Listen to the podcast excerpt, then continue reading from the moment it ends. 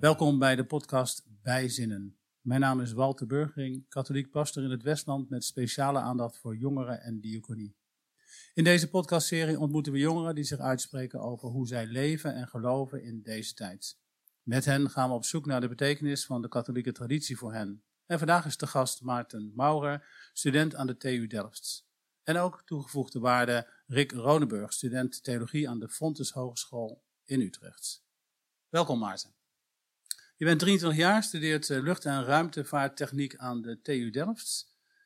Uh, hebben de afgelopen jaren, afgelopen coronajaren, uh, veel invloed gehad op jouw relaties met vrienden? Kwam dat meer uh, onder druk te staan?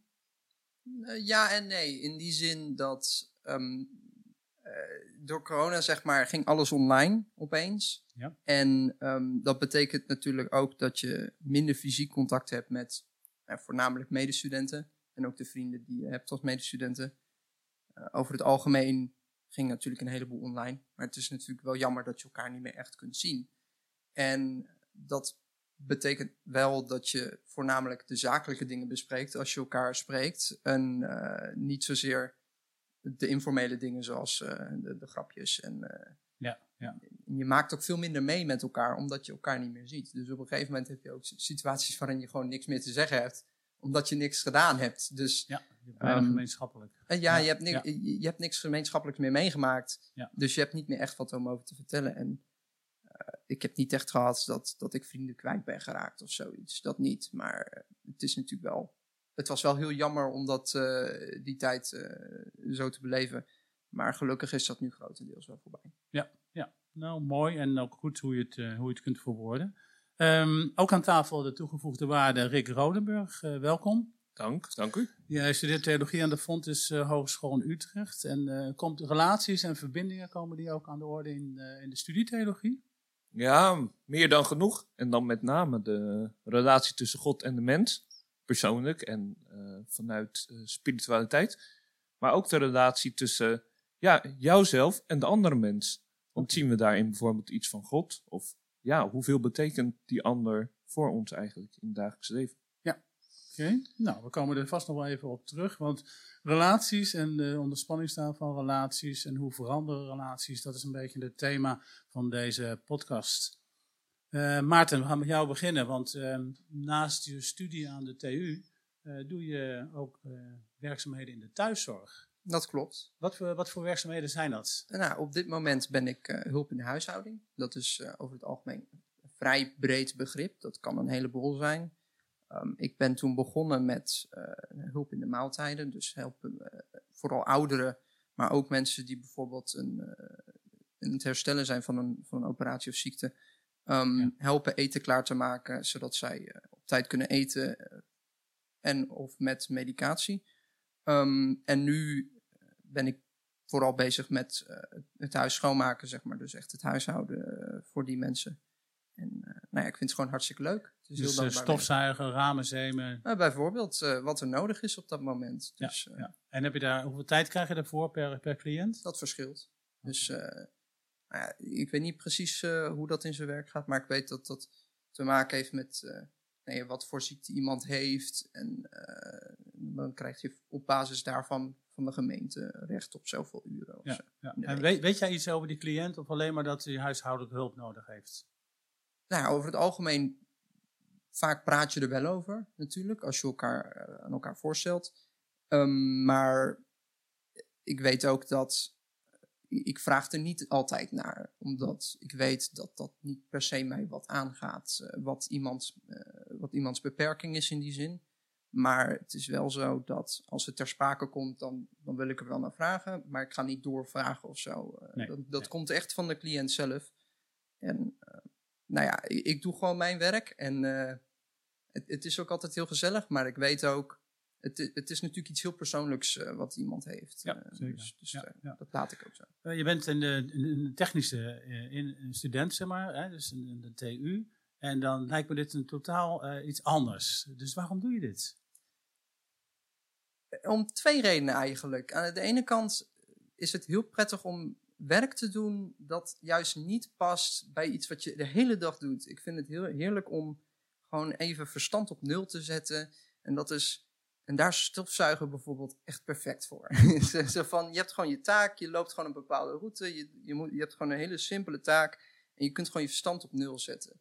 Maar En goed, dat kun je thuis ook doen. Dat kan ik thuis ook doen, dat klopt. Ehm, en wat ook nog een, een, een mooie reden is, eh, ik vind het gewoon fijn om iets te doen wat mensen helpt. En eh, dat is wel iets wat ik nou, in de thuiszorg erg merk. Het is, mensen hebben je nodig. eh, het, is prettig om daar dienst in te zijn. Je kunt mensen een dienst bewijzen en ze zijn achteraf ook dankbaar daarvoor. En dat is wel iets wat, eh, dat is een mooie drijfveer om dat door te zetten, zeg maar. Oh, prachtig. Dus echt een beetje iets anders dan waar je normaal gesproken mee bezig bent in je studie. Dat is een drijfveer, maar ook inderdaad zorgen dat je mensen kunt helpen en dat je ook een stukje dankbaarheid terugkrijgt. Ja. Mooi, mooi. En ehm, je, heb je er een soort opleiding voor gedaan? Of is het gewoon een kwestie van ik solliciteer bij de thuiszorg en dan kan ik eh, beginnen? Ik heb er geen opleiding voor moeten doen. Ehm, in principe is het natuurlijk wel zo, je wordt wel ingewerkt. Ehm, maar over het algemeen, het is, ik doe geen complex zorgwerk. Ik, ik, ik, ik ga niet om met mensen met medicijnen. Ik ga ook niet om met eh, echte eh, nou ja, zorg zoals wassen of aankleden, dat soort dingen. Daar ben ik echt totaal niet voor. Ik ben echt alleen voor het huishouden op dit moment. En nou ja, dat is vrij simpel werk om te doen, want je moet het thuis ook doen. Ja. Dus een opleiding heb je daar niet echt voor nodig. Dan zeg je inderdaad, het is af en toe best wel eh, gezellig.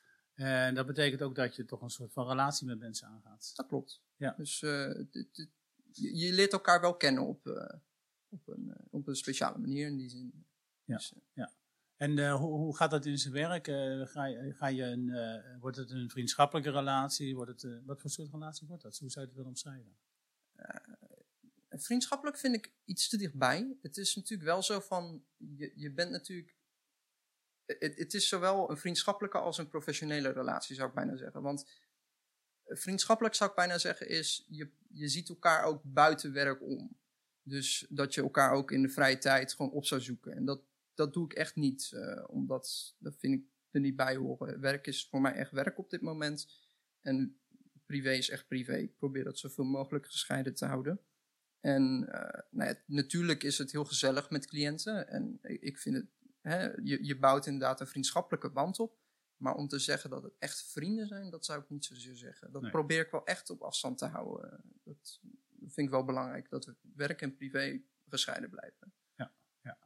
En daar voel je je ook goed bij in die zin om dat onderscheid te maken. Ja. ja, ja. En ik denk ook vrienden kies je zelf uiteindelijk. Hè? En ja, als je, jij wordt waarschijnlijk naar cliënten gestuurd. Hè? Dit is een adres, die, daar, die, Ja, daar, daar woont maar ik heb wel zo. eh, Ik, ik, heb niet, ik ga nooit echt met een naar gevoel naar een cliënt toe, in die zin. Eh er is altijd wel iets waar je, ja, waar je in kunt vinden met een cliënt. Dat is Ja. wel zo. Dus, Ja.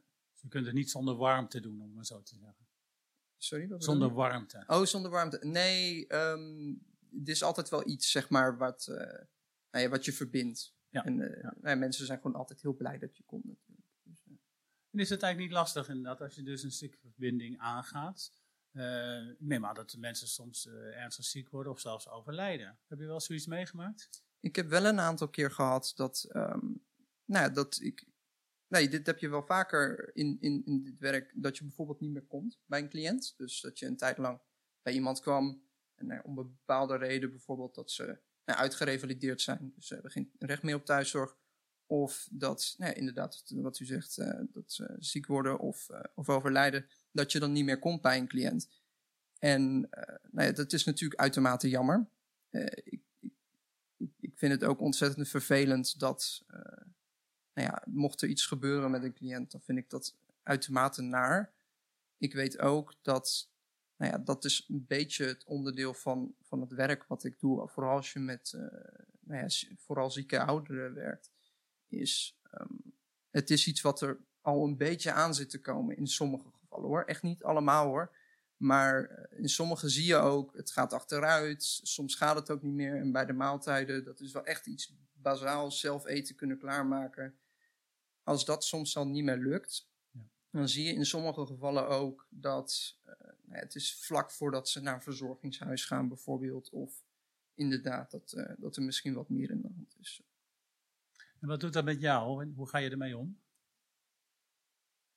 Het is dubbel. In die zin dat ehm, aan de ene kant eh, doet dat wel, het, het raakt je wel. In die zin dat je weet dat het een persoon is. Je hebt een, een, band met die mensen. Je hebt gezellig gepraat met die mensen. Maar aan de andere kant is het ook. eh, ik, ik ben er professioneel in, in die zin dat als ik weg ben van mijn werk, is het niet meer, is het niet meer in mijn hoofd. Het is echt afgesloten. Dus ik ben er ook niet elke dag mee bezig. Dus het is een beetje dubbel in die zin van. Je merkt het wel, je voelt het ook. En het is ook naar. Maar ik ben er niet de hele dag mee bezig. Dat je is kunt wel- makkelijk die knop vinden. Om, op kan die knop draaien. makkelijk vinden. Oh, mooi, want dan kun je aan betrokken zijn en, eh, en inderdaad ook je werk eh, goed blijven doen. Hey, en als ik vragen mag in je studie, lijkt me natuurlijk, want je bent aangesloten bij een kerk. Dat ik klopt. vanuit. Bij welke kerk ben je aangesloten? Eh, bij de Heilige Nicolaaskerk in Zoetermeer. In Zoetermeer.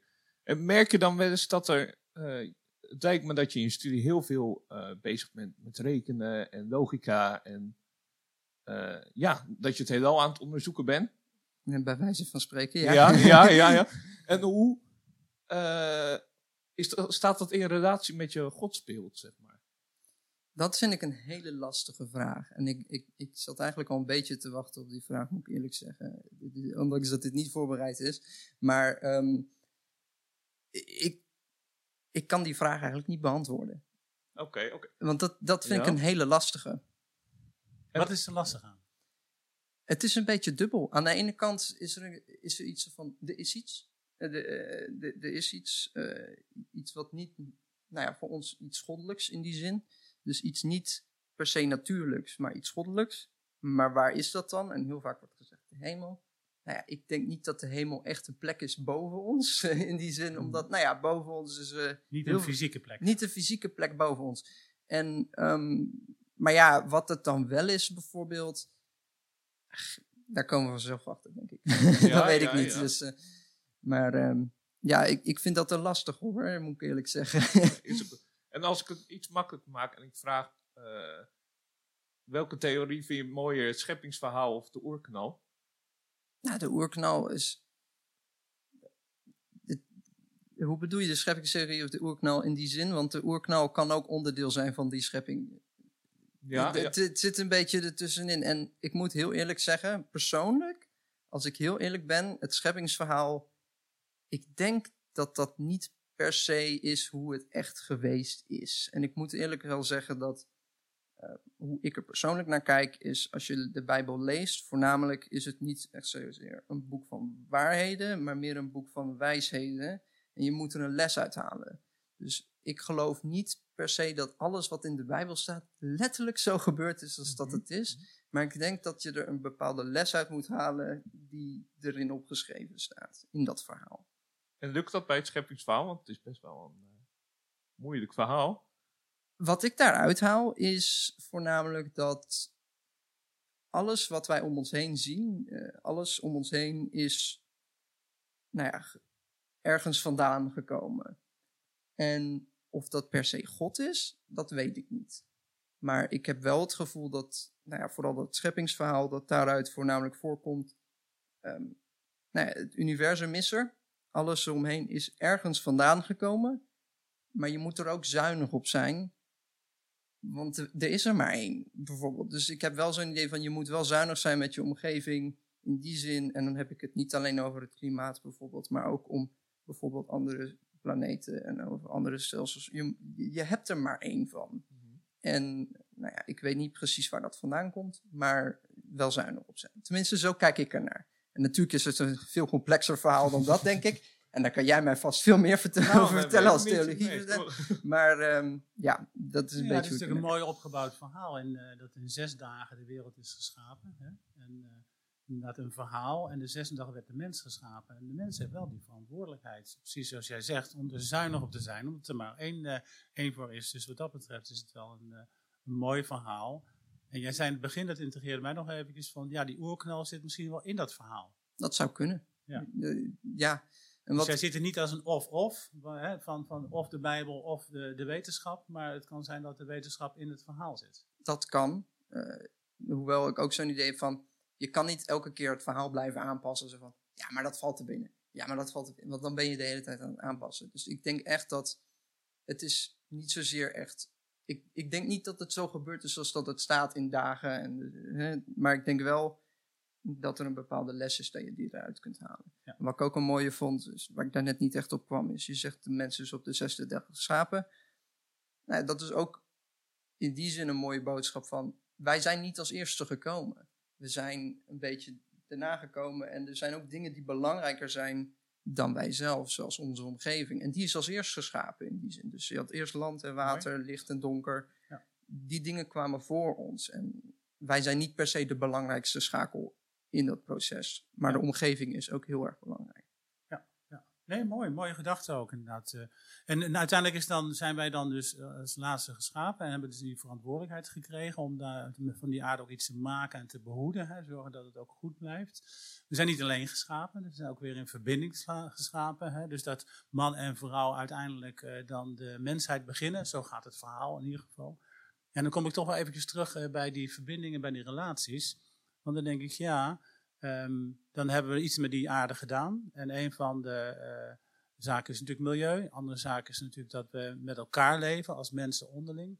Ehm, wat is dan eigenlijk voor jou op dit moment de betekenis van hoe mensen met elkaar zouden moeten omgaan? Je vertelde net even wat over je thuiszorg. Dat je toch ook dankbaarheid krijgt en dat je ook eh, eh, daar komt om mensen te helpen. En niet alleen maar met je hoofd in het heelal te zitten, om het maar zo te zeggen. Maar eh, ook eh, juist om mensen te helpen. Hoe voel jij, hoe zie jij die verbinding? Ik heb wel het idee dat het belangrijk is dat je met elkaar met respect behandelt in die zin.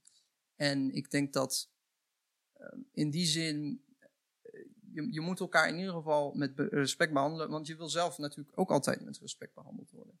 En nou ja, hoe, hoe je ergens in staat of hoe, nou ja, hoe je eruit ziet, wat je doet, eh, hoe je ergens over denkt.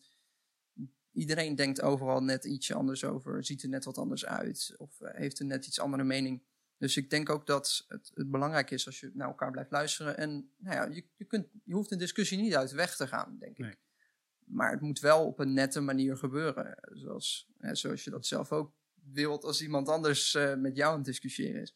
Dus ik, ik zou bijna zeggen dat, dat mijn levensmotto in die zin is... Dus behandel een ander ook zoals jij behandeld zou willen worden. En ik denk dat als je bijvoorbeeld de Bijbel leest, dat dat ook een boodschap is die heel erg veel terugkomt. eh, van, nou ja, is het wel een goede manier om met elkaar om te gaan? Zou jij zelf ook zo behandeld willen worden? En nou ja, ik, ik denk dat dat wel een hele duidelijke boodschap is, eh, die je bijvoorbeeld uit het geloof kunt halen. Nee, helder. Mooi, eh, mooi levensmotto. Ehm, je vertelde in het begin ook even over de ervaring in de thuiszorg. Ehm, verandert dan eigenlijk ook je manier van naar mensen kijken? Ik denk het wel, in die zin dat ik, ik vraag, eh, nou ja, we hadden het er net erover, over, eh, over vragen eh, hoe dat zit met bijvoorbeeld een aandoening of waarom iemand thuiszorg krijgt. Ja. En nou ja, ik vind persoonlijk, dat is een hele persoonlijke vraag.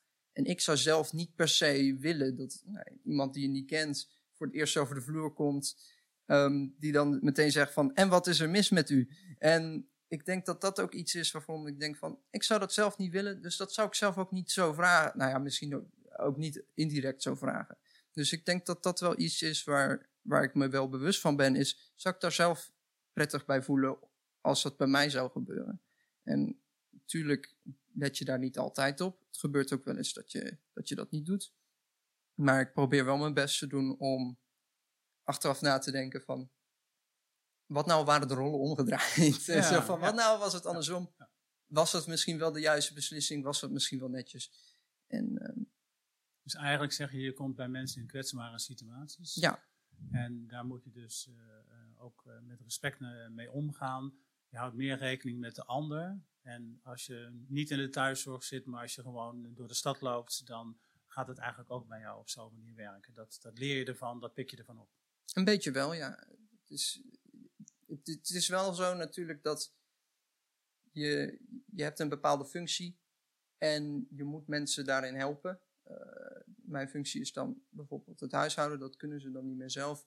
Ik zou zelf ook wel willen dat als ik dat later niet meer zelf kan, dat er iemand bij mij komt om te stofzuigen bijvoorbeeld. Als ik dat zelf niet meer zou kunnen. Dus ja, ik denk wel dat dat iets is waar nou ja, misschien andere mensen ook wat vaker stil bij moeten staan. En van, hoe zou het zijn als de rollen omgedraaid zouden zijn? Ja, ja. Maarten, dankjewel. Het zijn mooie ervaringen, eigenlijk over twee dingen. Over de relaties die uh, veranderen, die kunnen veranderen.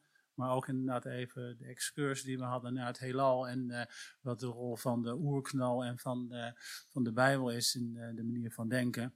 Vandaag ging het erover, over verbindingen tussen mensen, over relaties die onder spanning kunnen staan, maar ook hoe we staan in de wereld. We hoorden Maarten als student van de TU, die leert in zijn bijbaan in de thuiszorg. En we danken Maarten en Rick voor hun aanwezigheid in deze podcast. Tot de volgende gast.